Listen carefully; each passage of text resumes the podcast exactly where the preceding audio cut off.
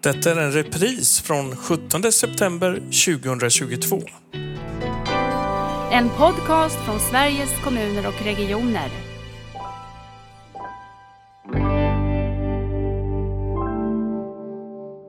Men det är ju sanningen är ju att vi hinner inte med våra uppdrag, vi gör inte rätt saker. Och det har ju varit en het debatt, framförallt nu inför valåret, tillgängligheten. Man pratar gärna om tillgänglighet. Jag vill ju prata om tillgänglighet till god och nära vård. Jag tycker att den, den meningen behöver förlängas lite för att vi faktiskt ska ge patienterna värde.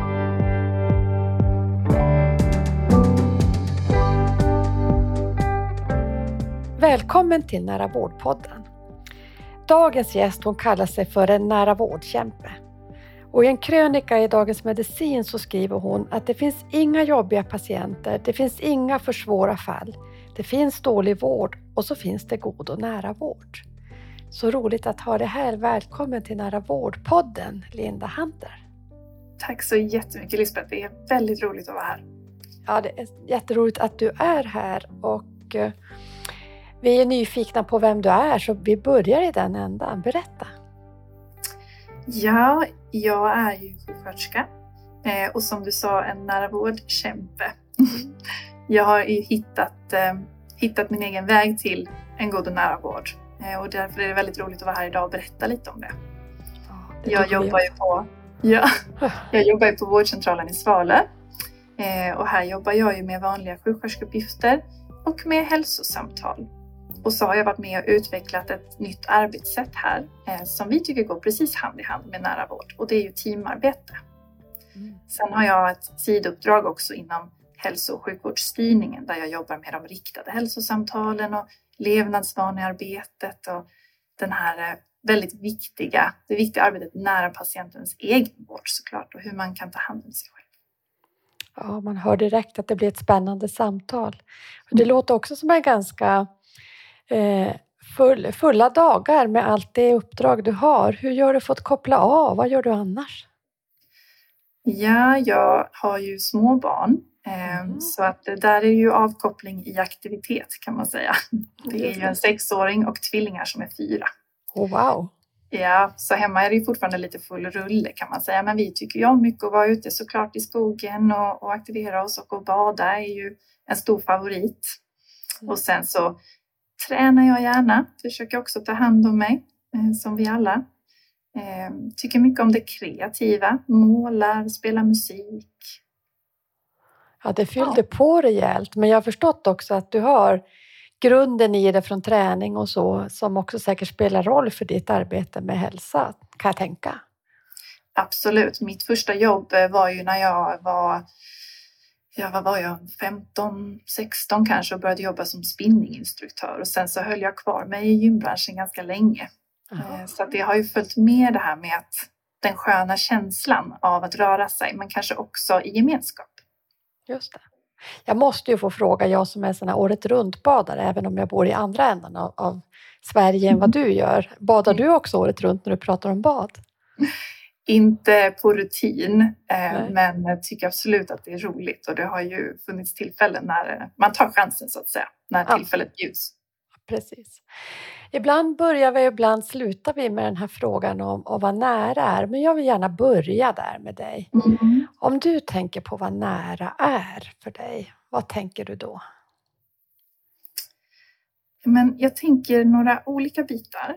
Eh, det första som som jag tänker på det är att det är ju väldigt fint när vården får byggas inifrån, alltså från vad som känns bäst i hjärtat och vad som händer när, när du och jag, alltså en patient och vårdgivare, möts.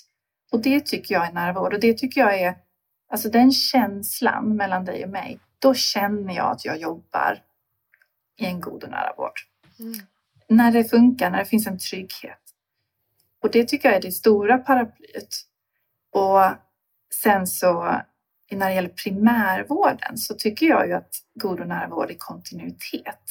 Att få träffa samma sjuksköterska, att få gå hos en sjukgymnast genom hela vårdförloppet och att såklart också få ha samma läkare. Mm. Den tryggheten vi kan skapa i primärvården är ett, ett oerhört stort värde för våra patienter. Mm. Jag tyckte det där som jag eh, introducerade med är så fint. Eh, det här det finns inga besvärliga patienter eller jobbiga patienter. Därför jag tänker ibland att vi har ägnat så mycket kraft i hälso och sjukvården åt att försöka uppfostra patienter.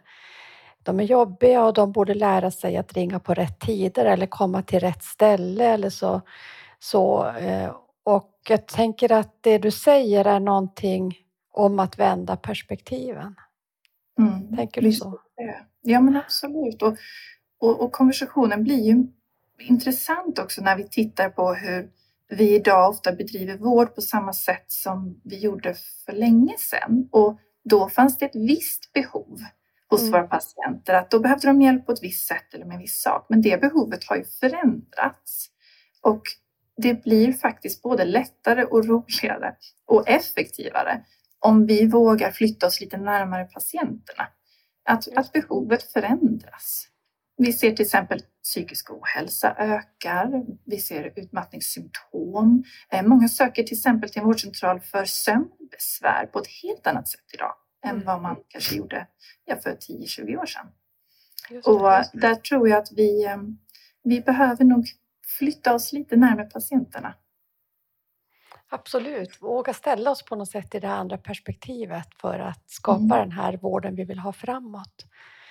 Eh, om du skulle beskriva, dels tänker jag du beskriver det som en nära vårdkämpe, du beskriver den här, vad nära är. Men hur blev det tydligt för dig? Vad är din relation till omställningen av hälso och sjukvården till en mer nära vård? Mm. Jag eh, utbildade mig i Australien faktiskt till sjuksköterska och sen så mm. jobbade jag mm, i psykiatrin där i några år. Och där upplevde jag ofta att man, vi pratade mycket om det styrkebaserade arbetssättet. Vad har patienten med sig för resurser? Vad finns det för styrkor? Vad har vi för friskhet? Och det är ju inte alltid lätt i en, en komplex psykiatri såklart med, med de här ja, men svåra sjuka. Men där kämpade man ändå på och tyckte och såg att ja, men om vi fokuserar på att ja, men patienten kanske tycker om att måla och upplever en känsla av hälsa när han målar. Ja, men då är det kanske det vi ska lägga lite resurser och tid på. För det gynnar patienten. Mm. Det kanske inte är vad vi kallar liksom att nå behandlingsresultat. Det kanske inte är att bota. Men för patienten finns det ett värde i att kunna känna att jag mår bra så som det är just nu. Eh, jag finner mening eller jag finner glädje. Sen kom jag till Sverige och, eh, och började jobba här och insåg ganska snabbt att det där tankesättet fanns inte riktigt med. Eh, och även då mitt intresse och, och liksom en känsla av att vi behöver jobba med levnadsvanor och just det här, hur kan jag stötta mig själv att må bra? Det upplevde jag inte heller fanns på det sättet som, som det kanske skulle kunna. Mm. Och sen har jag ju lyssnat på Närvårdpodden såklart ja, och gjort kul. min research. och eh, också fått veta och höra och tagit inspiration från Alaska. Ja, som av alla platser i världen ju. Ja. Där man har hittat lite nyckel att det här med teamarbete, att hålla en kontinuitet, att stärka personen där den är. Alltså att vad är viktigt just nu? Vad har vi för primärdiagnos. Det kanske inte är din diabetes som spökar, det kanske är din ensamhet som mm. gör att du finner en ohälsa. Mm. Och, och, kombinationen tror jag mellan allt det här, eh, det har gjort att, att jag har börjat känna varje dag att jag kanske gör lite andra val faktiskt som sjuksköterska och att jag kan gå lite andra vägar och följa patienterna på lite andra sätt. Ibland så ibland får vi gå över gräset istället för att ta gåbanan kan man säga. Exakt. Vad kan det vara för gräs du får trampa? Hur ser de där uh, nya vägarna ut och som de där valen du gör i en vardag? Ja, men, ja, men dels så handlar det ju mycket om, om samtalet. Att, eh, jag är utbildad i motiverande samtal, vilket jag tycker är en fantastisk samtalsteknik, framförallt kanske i primärvården. Eh, I att arbeta med att få fram vad är det som motiverar just dig? På vilket sätt kan du liksom må bättre? Vad är det du behöver av vården? Eh, och kan vi samtala om också kanske vad jag kan och vad jag inte kan hjälpa dig med, men på ett, ett, ett fint sätt. Att vi kan komma överens istället för att säga eh, nej, det är inte min patient eller nej, det tillhör inte oss. Alltså att, att öppna upp först och säga hur kan jag hjälpa? För att sen kanske gå vidare till mm, behöver kanske någon annan också hjälpa till. Eh, de här gränserna som vi har satt upp är jag lite allergisk mot. Du ska få berätta mer sen hur man faktiskt på något sätt går, tar, går över de gränserna. Men jag tänkte någonting som du har sagt nu när du berättade, det var ett nytt ord för mig och det var styrkevård. Jag tyckte det var ett häftigt ord. Mm. Tyckte du, jag blir så nyfiken för jag börjar tänka mycket på utbildningarnas roll i, i den här omställningen. Och du säger att du läste din utbildning i Australien. Fanns det med också i utbildningstänket, tycker du, där, det här med styrkevården? Eller var det någonting du mötte med när du kom i arbete? Ja, men jag tyckte det fanns med också i utbildningen. Mm. Ehm, och, och, det kunde ju vara från det lilla att till exempel på en... Vi fick ju sådana papper med, där man rapporterade över patienter då ju på morgonen. Och på det pappret kunde det stå med styrkoresurser eh, gott nätverk, ett intresse eller en förståelse för sin sjukdom eller en vilja. Alltså det kunde finnas med i rapporteringen och inte bara då vad är det för sjukdom, vad är det för problem. Mm. Ja, så det kunde vara i det lilla till, till, till det större arbetet såklart med eh, ett teambaserat arbetssätt väldigt högt i tak. Eh, vi pratade mycket om hur vi kommunicerar med läkaren och tar fram det vi ser dagligen hos patienten och vad som också är viktigt. Eh, att eh, patienten känner stor osäkerhet när, när den ska träffa sin läkare. Allting kommer inte alltid fram. Hur kan vi då stötta patienten i det? För det är viktigt att, att få fram allting som behöver bli sagt. Ja, det finns många goda exempel faktiskt. Jag är väldigt glad att jag tog den utbildningen. Det är jätteintressant också att se om vi har lite olika ingångar i i vårt sätt att se på hälso och sjukvård. Jag tycker det är så härligt mm. att du jämför också, eller inspireras av Alaska, för de har ju ändå fått till någonting av alla mm. platser i världen eh, som har ett annat eh, sätt att på något sätt ta sig an mötet som sen blir mm. grundläggande för hela deras eh, sätt att organisera sig och sätt att följa upp och sätt att tänka. Och så viktigt också hur de hur man då när man tänker kring det här med teamarbete då så mycket det handlar om ju i Alaska och även för oss här i Svalöv nu. Ja. Hur man faktiskt pratar med varandra, alltså med sina kollegor. Ja. Jag har ju också styrkor och svagheter som sjuksköterska. Jag kommer ju inte, eller någon av mina kollegor, med, med någon perfekt, eh, liksom här, jag kan allt det här. Vi har en kompetens, men vi är också människor. Och jag tror att tankesättet och, och att att arbeta med närvård handlar ju också om hur vi jobbar med varandra. Mm. Jag hade ett jättefint samtal med en specialistsjuksköterska på sjukhuset häromdagen om en gemensam mm. patient. Och det är ju också nära vård, eller hur? När vi hittar sätt att samverka. Att, att, det är inte min och din patient, oh, nej, han, han går på i Landskrona, liksom, då måste de ta hand om det. Utan då pratar vi tillsammans och kom fram till en plan att ja, men, om jag här på vårdcentralen gör lite mer. Just det. Och så tar de vid sen och så gör de allt det där viktiga och så kanske de också gör lite, lite mer eller lite mm. annorlunda. Um, hur mycket faktiskt enklare det blir för oss. Jag mm. tror att det finns en rädsla för att vi har mycket press. Det, är, eh, det kan vara väldigt tufft att jobba inom vården idag. Eh, jag tror att det finns en rädsla när vi börjar prata om att, att göra mer. Eh, men att kanske inte se det så, utan att börja fundera på hur kan jag skapa mer värde?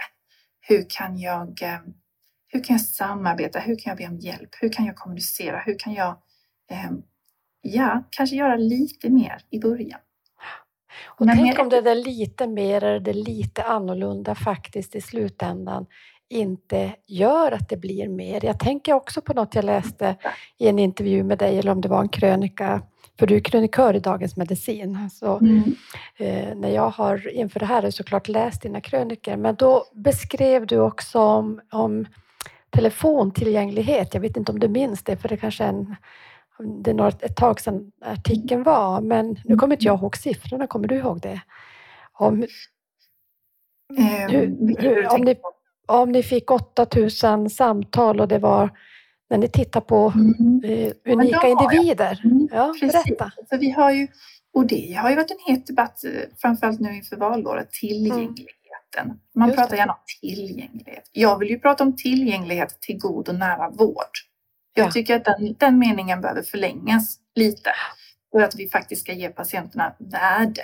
Mm. Ehm, och det vi såg då var ju att vi tittade över ehm, Ja, men hur många är det som ringer till vårdcentralen på en månad? Ja, då var det ungefär 4 000 den Mm. månaden just. Just det. Men då kan man se i våra telefonprogram hur många unika nummer har ringt oss. För då ser man, istället för hur många gånger någon har ringt, så ser man hur många människor som faktiskt har ringt. Ja, exakt. Och då var det 800. Ja. Så att 800 personer här runt omkring mig i Svalöv Mm. har ringt oss 4000 gånger på en månad. Mm. Då kan vi ju inte längre sitta och säga att vi inte har tid. Att vi inte har nog med resurser. För då är det ju ganska tydligt att de här 800 personerna, de hade ju vi lätt kunnat ta hand om. Om vi kanske hade gjort rätt sak från början. Just det. Jag tycker inte att det är rimligt och jag ska ju ha mitt kritiska tänkande med mig för jag är ju sjuksköterska. Ja, och jag tycker absolut. inte att det är rimligt att man ska behöva ringa sin vårdcentral så många gånger på en månad. Jag har svårt att se att det skulle vara ett rimligt behov. Eh, sen ibland så är det ju att man har en lite mer intensiv vårdperiod, absolut. Och det är klart Mm. att man ska kunna kontakta oss när man vill.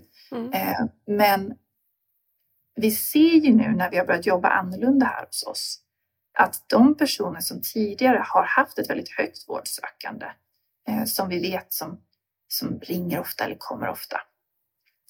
De ringer ju mer sällan när vi tar hand om dem på riktigt.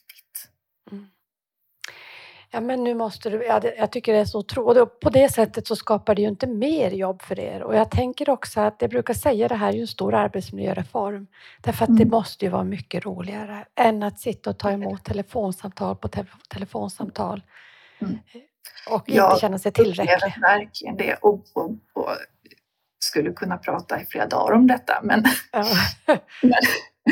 alltså, jag har ju, jag har ju gått från att vara en telefonist som då Ja. har tagit kanske hundra samtal om dagen från människor jag inte känner, som jag inte kan. Jag vet inte vad som har hänt med medicinbytena. Jag vet inte om att din partner har gått bort för en vecka sedan. Jag vet inte hur du har haft besvär med magen i flera år. Jag har ingen aning.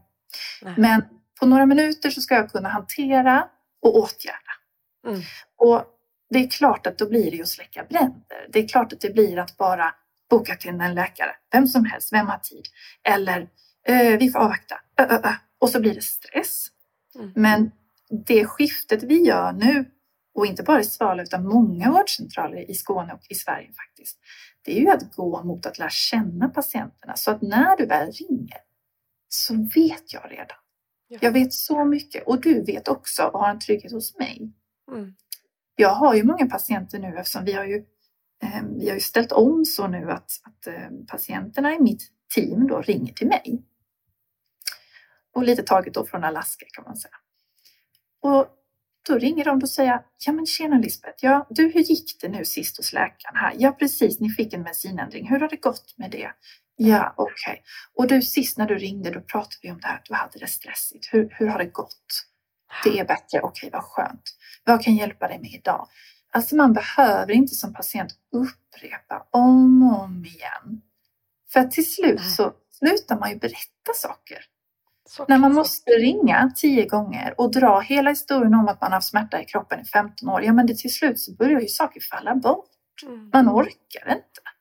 Och sen är det ju heller ingen relation till den man pratar med då, utan då känns det ju bara Mm. som att man informerar för någon. Det blir ett objektinformerande på något sätt. Mm.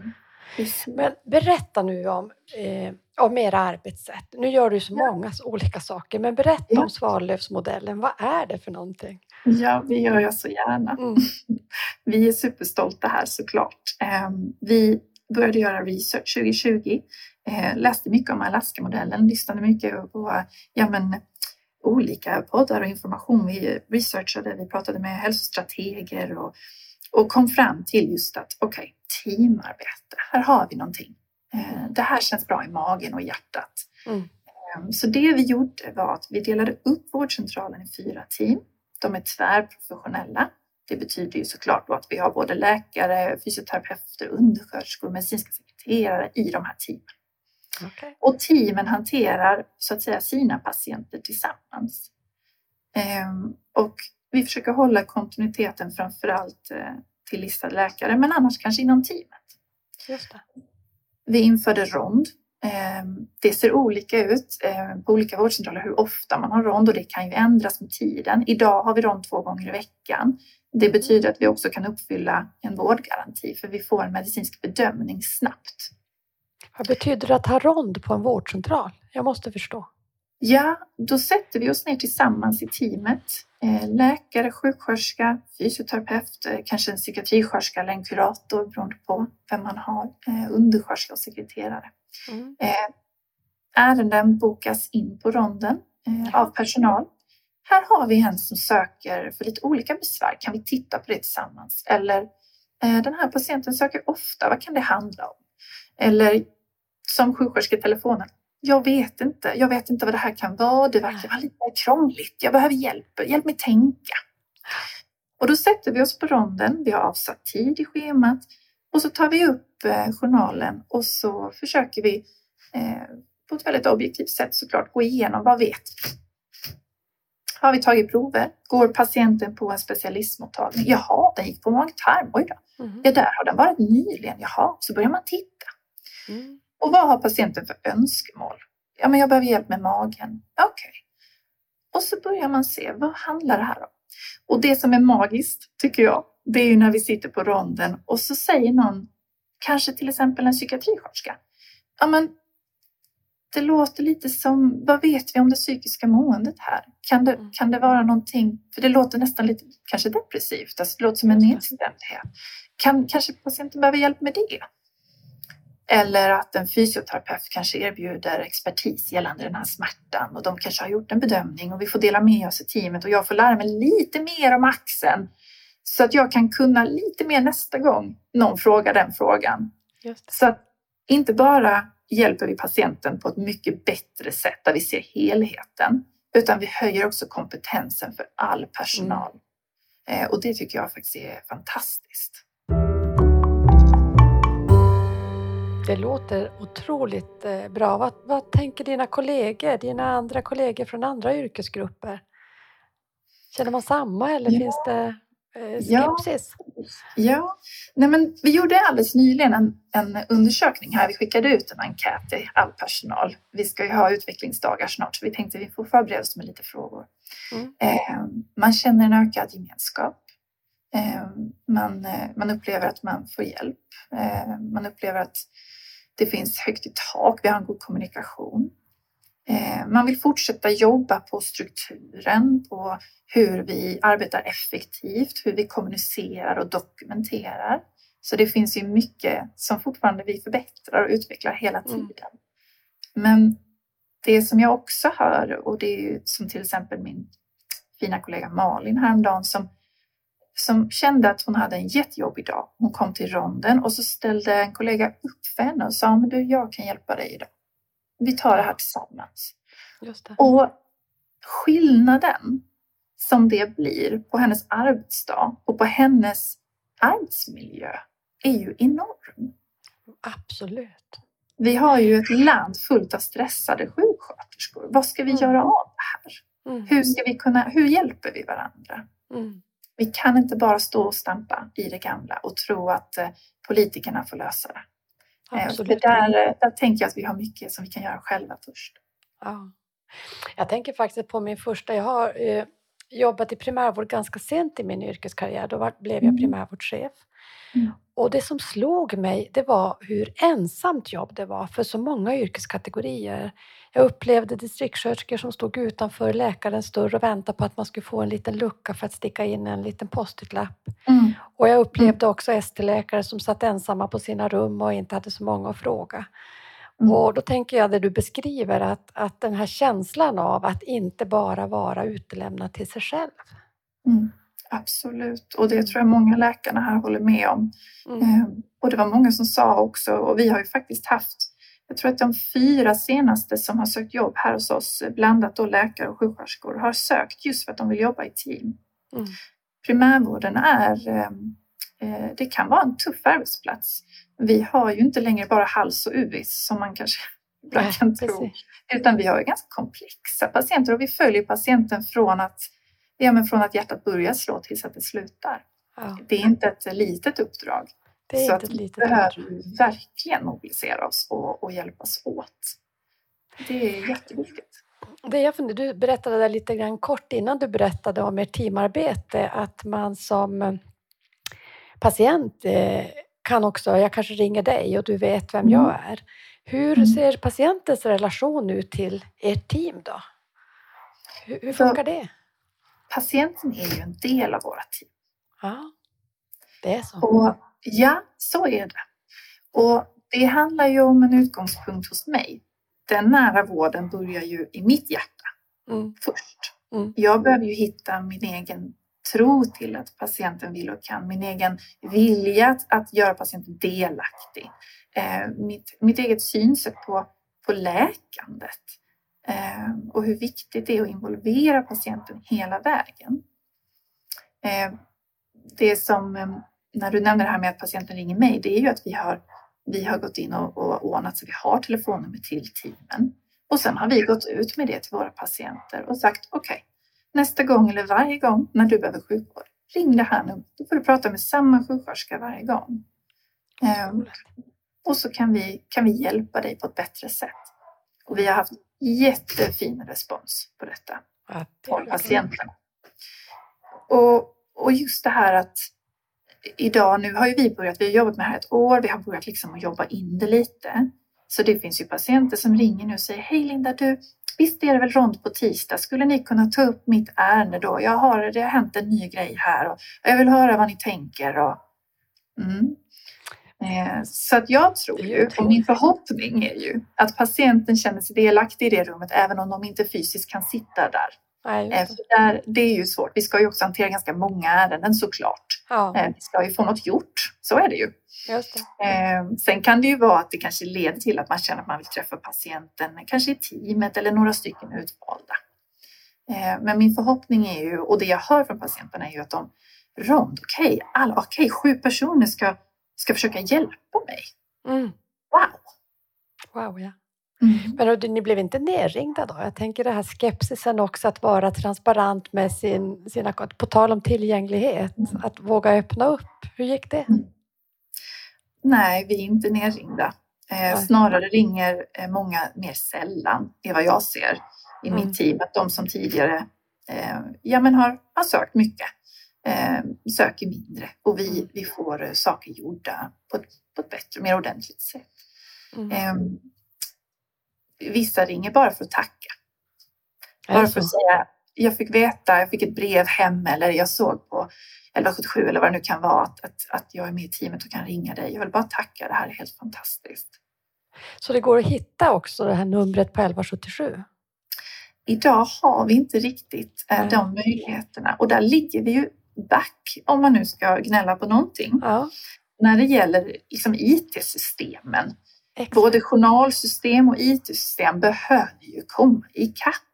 Ja. Eh, så det hoppas jag på att man, eh, man jobbar på. Jag tänker det som är på gång nu med den här samman, eh, vyn för sammanhållen planering. Där ska man ju också kunna få upp sin namnet mm. på sina kontaktpersoner. Om det är en fast vårdkontakt eller i ert fall mm. teamkontakten mm. eller den fasta läkarkontakten. Och det måste bara till. Jag tror sådana här saker Eh, känns lite futtiga men det är lite sätt att, att eh, snabba på den här processen tror jag mot den nära mm. vården och, och mm. Eh, det som är tillgänglighet på riktigt.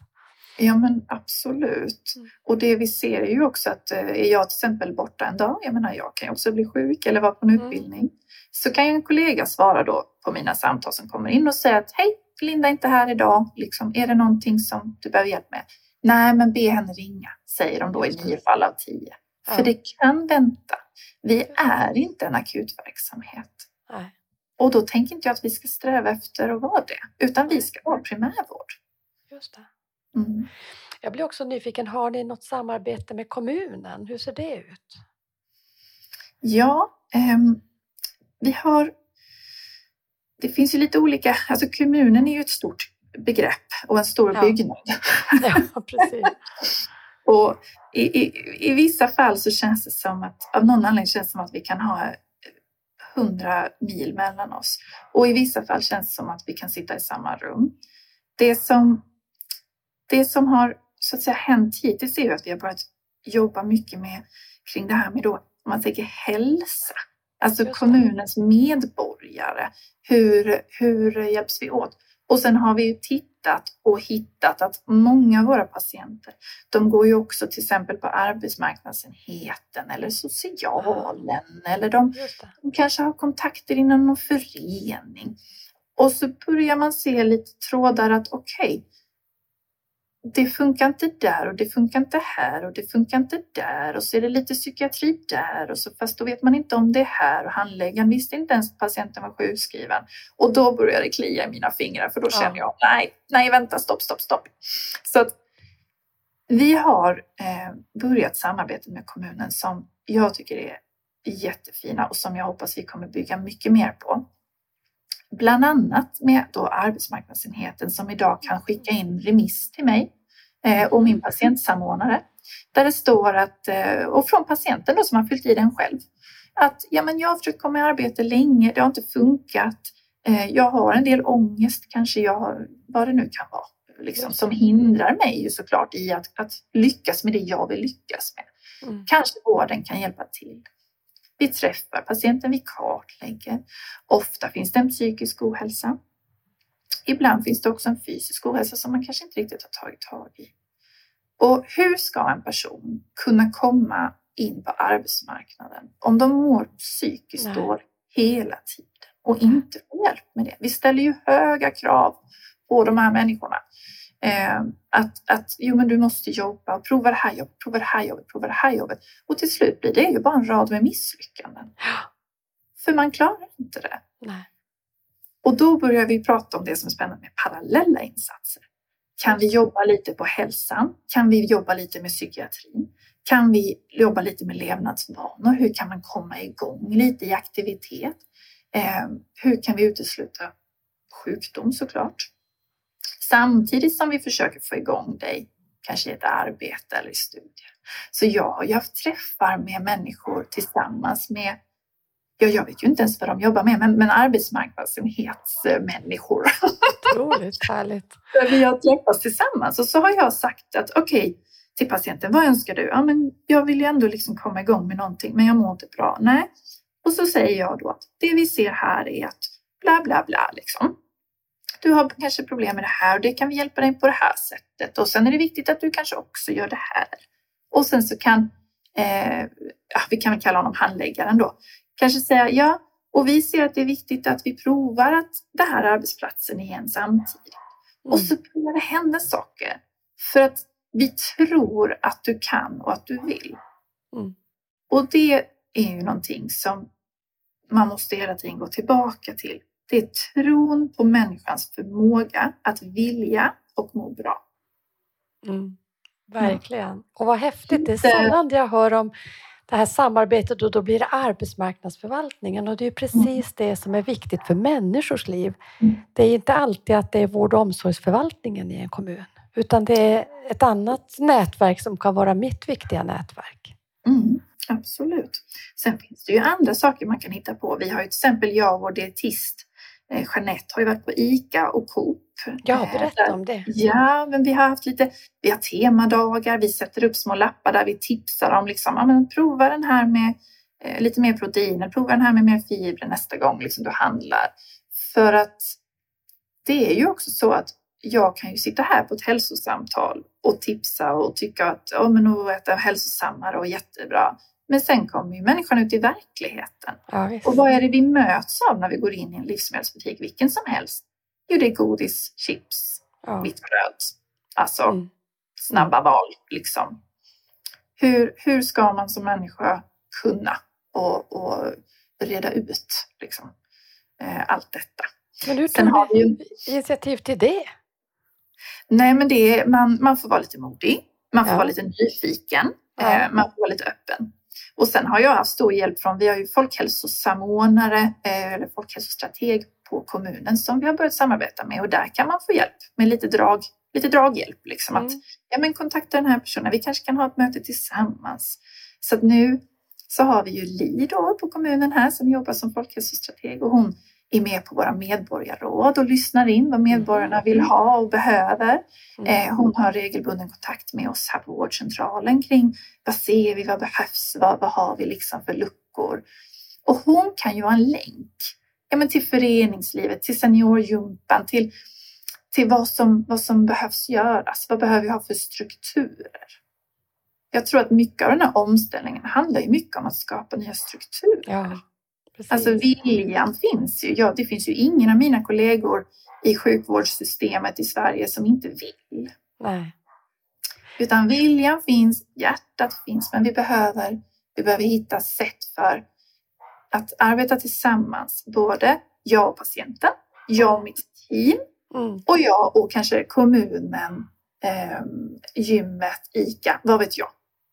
Det låter Det som att det, viljan finns, eh, ja men allt det här finns, men det som man behöver är någon typ av startmotor och förstå att de här kontakterna kanske man inte behöver vänta att någon annan ska ta. Jag tycker det känns som att den där nyfikenheten du pratar om ändå är en stark drivkraft i det här arbetet. Att på något sätt gå lite Verkligen. över, över sin egen gräns eller gräsmatta eller vad vi pratade om tidigare. Ja, precis. Mm. Och för det är ju så att jag kan ju inte sitta och vänta på andra. Nej. Det, det, det, utan att kanske våga sträcka ut en hand, att våga erbjuda istället för begära. Mm. Det funkar ju 100% gånger Mm. bättre om jag ringer till sjukhus till exempel och säger hej, jag är vårdkontakt för den här patienten på primärvården. Finns det något jag kan göra? Mm. Ja, säger de. Alltså, de ringer hit hela tiden, men det är frågor som ni borde hantera. Okej, vad bra. Men då vet du nästa gång att du kan säga att men du, Linda vet om dig, du kan ringa henne. Ja. Alltså att, att erbjuda så får man så mycket tillbaka. Och det är klart att de i nästa mening säger, och vad kan vi hjälpa till med? Vad ser du? Vad har vi för luckor mellan oss som vi kan täta? För det är faktiskt inte patientens ansvar att reda ut våran samverkan. Nej. Eh, tyvärr är det så ibland idag. Ja, väldigt ofta ska jag säga. Och jag tänker Ja. det du börjar med det här med att eh, behoven har förändrats. Vi har ju också fått Mm. Eh, delar av befolkningen som har mycket, mycket större behov av många insatser från många ställen. Och så har vi inte alls Ja. rätt någonting i samverkan och samordningen, utan lämnat det på något sätt.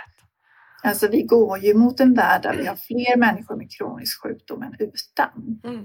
Och samtidigt så har vi statistik och evidens. Vi vet ju från Världshälsoorganisationen till exempel att 80 procent av hjärt-kärlsjukdomarna det kan vi förebygga med, med faktiskt hälsosamma levnadsvanor. Just det. Men vem ska prata om att sluta röka och motionera? Ja, inte akutmottagningen. Utan det måste ju börja vid första kontakten. Och där, därför tror jag också att, och jag vet att det blir, det blir så mycket bättre när vi får den här helheten från början. När vi sitter tillsammans och en, en sjukgymnast kan erbjuda sin kompetens och, och kanske att man kan ja, men se på, på hur funkar det med, med hälsa, psykisk eh, ohälsa, fysisk aktivitet. Allt det här hänger ju ihop. Verkligen. Eh, vi har evidensen för att, att jobba förebyggande och med levnadsvanor idag, men vi använder den inte så som vi ska. Nej, jag tycker mycket att jag möter att det tar tid och vi, kom, vi, vi har inte tid att göra det. Hur har ni fått tid med livsstilsmottagningar och sättet att arbeta proaktivt? Jag brukar eh, säga att vi har inte tid att inte ha tid. Vi, eh, vi står ju inför, om inte redan i, en kris på riktigt. Vi hinner inte med, eh, patienter far illa, det är långa väntetider. Eh, med risk för, att- för att låta som en, en tråkig politiker nu, i nuläget inför valet. Ja. Men det är ju sanningen är ju att vi hinner inte med våra uppdrag, vi gör inte rätt saker. Men om vi går tillbaka till de här 800 personerna som måste ringa 4000 gånger. ja. Eller patienten jag hade här, häromdagen bara som har sökt akutmottagningen 12 gånger på en månad för samma besvär. Vi måste också se vårt ansvar. Mm. Eh, Vi kan inte sitta och säga att det är patienternas fel att vården inte fungerar. Utan vården behöver anpassa sig för att tillfredsställa rätt behov. Mm. jag kan ju prata med dig om ditt, ditt långtidssocker i, i dagar och år, men det spelar ju ingen roll om du är så ensam att du inte ser någon mening med att ta hand om dig själv. Nej, precis.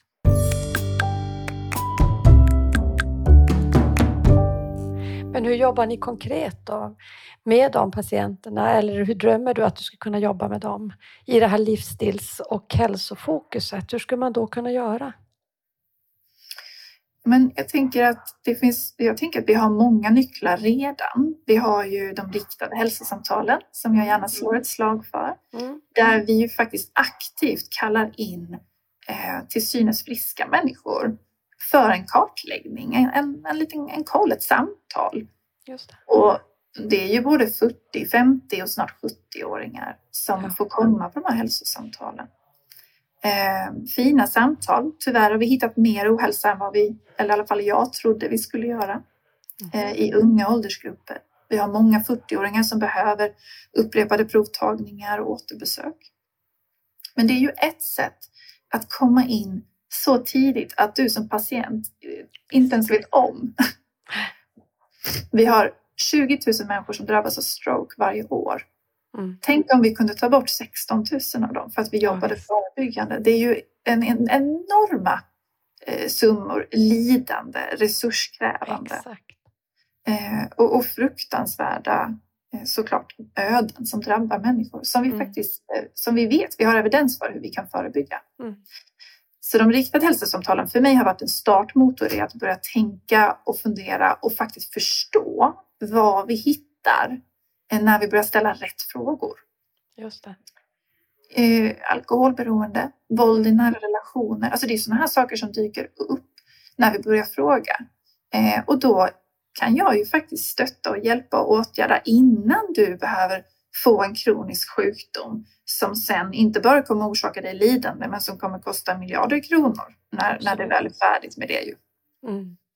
Så att om vården, om man ska se till vården på ett hållbart sätt eh, och se den långa sträckan framför oss, eh, då har vi inga andra alternativ än att jobba så här.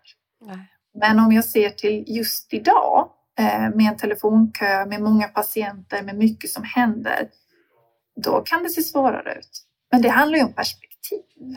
Just det.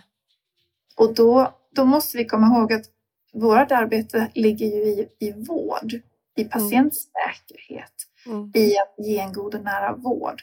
Eh, och då, då får man nog lyfta blicken lite. Ja, så klokt. Det, jag tänker, hur har det varit eh, att få med sig ledning och chefer och vad är era framgångsfaktorer? Hur har ni klarat det här? Ja, men våran chef är ju definitivt en framgångsfaktor för oss. Ja. Absolut. Mm. Cecilia Persson har ju, eh, hon, eh, hon leder oss med tillit. Eh, många av de sakerna som, som vi hittar på här har ju hon gett så att säga fria händer men en stöttande hand. Ett bollplank. Mm. absolut någon att komma och fråga, men, tror du att det här kan bli bra eller kan man tänka så här? Mm. men också en tillit att ja, men, prova. Vi provar och ser. V vad händer? och så utvärderar vi. Och så justerar vi. Just det. Mm. Eh, men det här med att, att uppmuntra till det egna ledarskapet. Att jag är ju faktiskt min egen chef. Jag måste ju någonstans kunna själv styra och stå för vad jag gör varje dag. Exakt. Jag ska inte behöva förlita mig på att ha en chef. Jag är ju utbildad. Jag är utbildad för att göra mitt jobb. Eh, så att, ja, en, en, eh, jätteviktigt att cheferna att ha med eh, och att, att visa tillit och nyfikenhet igen. Mm. Jag tänker i det tillit finns det också något relationellt, för jag tänker precis som dig, det finns ju nästan ingen bransch som har så många per definition professioner och är man profession är man ju också ansvarig för att mm. också vara proaktiv, att förändra och driva utveckling och inte på något sätt bli passiv utan mm. ansvarig för att också se till att saker och ting blir bra. Och då tänker jag den relationen mellan ett chefskap och ett ledarskap som skapar tillit till mm. också en medarbetargrupp som har väldigt, väldigt eh, eh, hög professionalitet och är professioner mm. i sig, för det är ju de allra flesta som jobbar i hälso och sjukvård. Det borde vara världens kombo för att få fart i den här. Absolut. Absolut. Och, och att, att ge lite. Ja. Ja, men okej, vad, vad känner du att du vill göra? Du vill prova att ha en livsstilsmottagning och hälsosamtal. Okej, då provar vi det.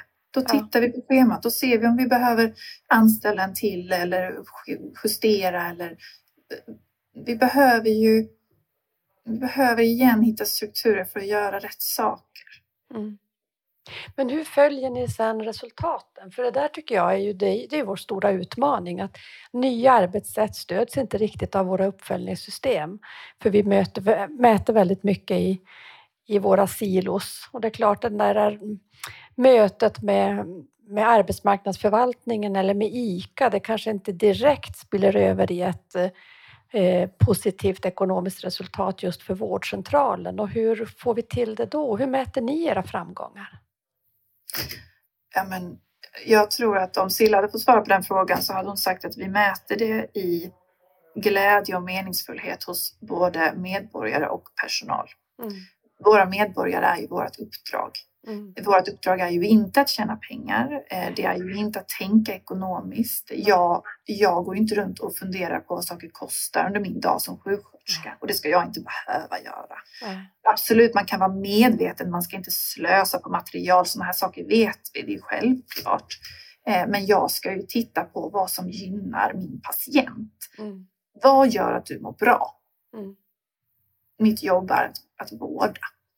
Eh, Så att de initiativ vi tar, de saker vi, vi prövar, de gör vi för att vi tänker att det ska gynna patienterna och medborgarna. Mm. Eh, Och då har vi allt att vinna. Man, man kan ju, om man vill grotta ner sig, så kan man ju följa en persons resa genom eh, primärvård, akutmottagningar, psykiatrin, eh, mag-tarm, arbetsmarknadsenheten, sjukskrivningar, eh, sjukersättning. Eh, och så kan man titta lite på hur har personen upplevt sin hälsa under allt det här. Just det. Alltså vad gör vi? Eh, och vad blir bra för just patienten? Mm. Vad, hur når vi liksom ett, ett resultat? Mm. Hur når vi meningsfullhet, glädje, Mm. trygghet? Mm. Trygghet. Jag tycker det är så intressant för de här poddarna så kommer vi hela tiden tillbaka till trygghet. Jag tror det finns Ja, något otroligt fundamentalt i, i tryggheten. Och känna den där tryggheten, det gör också att jag får den här kraften och styrkevården på något sätt också. Att se mina styrkor blir också kraftfullare. Och visst handlar det också om tryggheten jag känner när jag vårdar, alltså när jag tar beslut, när jag kanske faktiskt säger nej, det kan vi inte göra. Eller vi tror inte det här blir bra. Att ha teamet med mig gör ju att jag får en trygghet med de beslut som jag måste fatta under en dag eller som jag och patienten ska jobba oss fram till.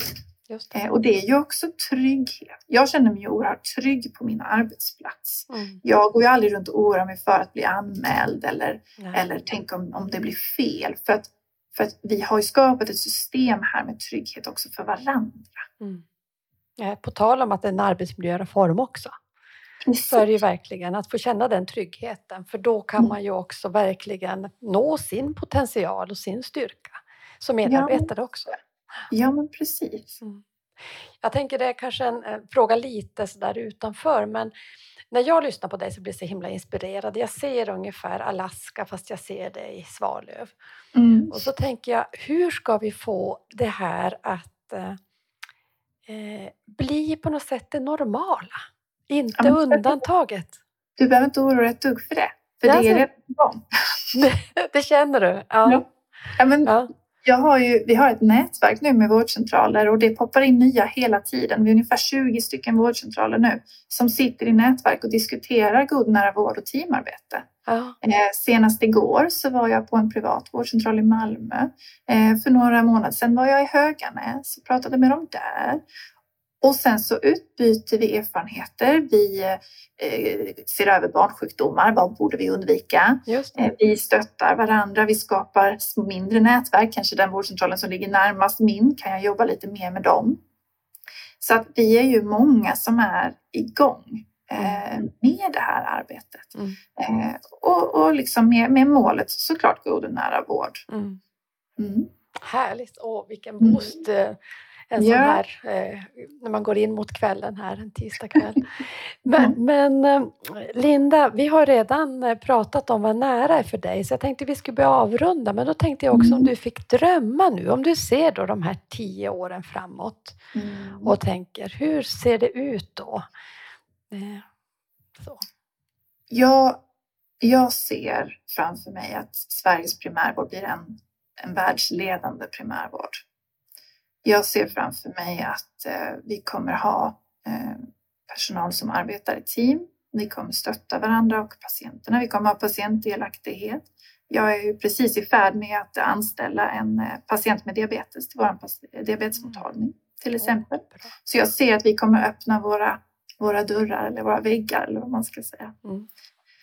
Ehm, Jag ser att vi arbetar styrkebaserat som vi pratar lite om Mm. med en, en värderiktning.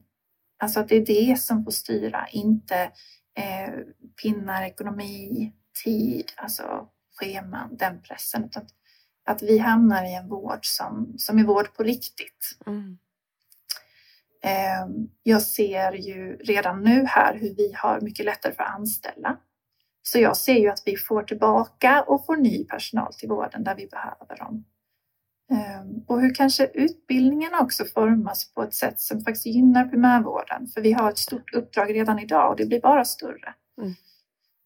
Eh, Jag ser ju att vi samarbetar över gränser. Mm. Eh, att, att vi släpper lite stuprör. Att vi vågar lite mer. Eh, att, vi, att vi kan tillsammans med patienterna faktiskt arbeta fram vårdplaner tillsammans utan att behöva alltid ha massa specialister. Eh, jag ser att vi hjälper varandra. Mm. Jag ser också hur det här arbetssättet kommer leda till att färre kommer söka på våra akutmottagningar som vi värnar väldigt mycket om.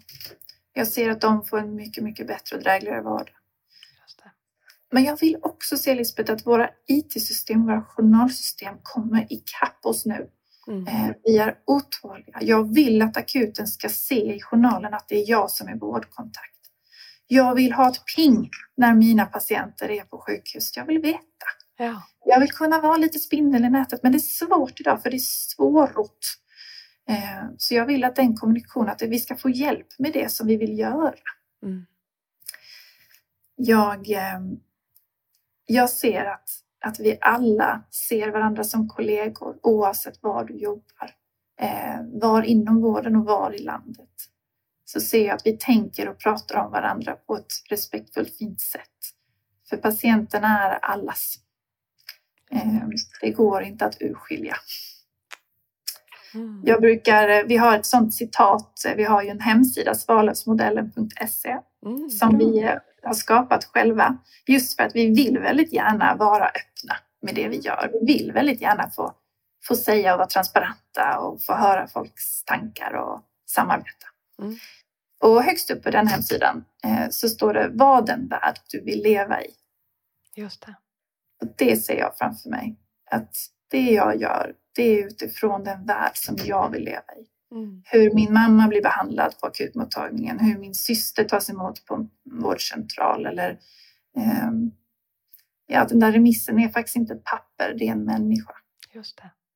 Så var den värld du vill leva.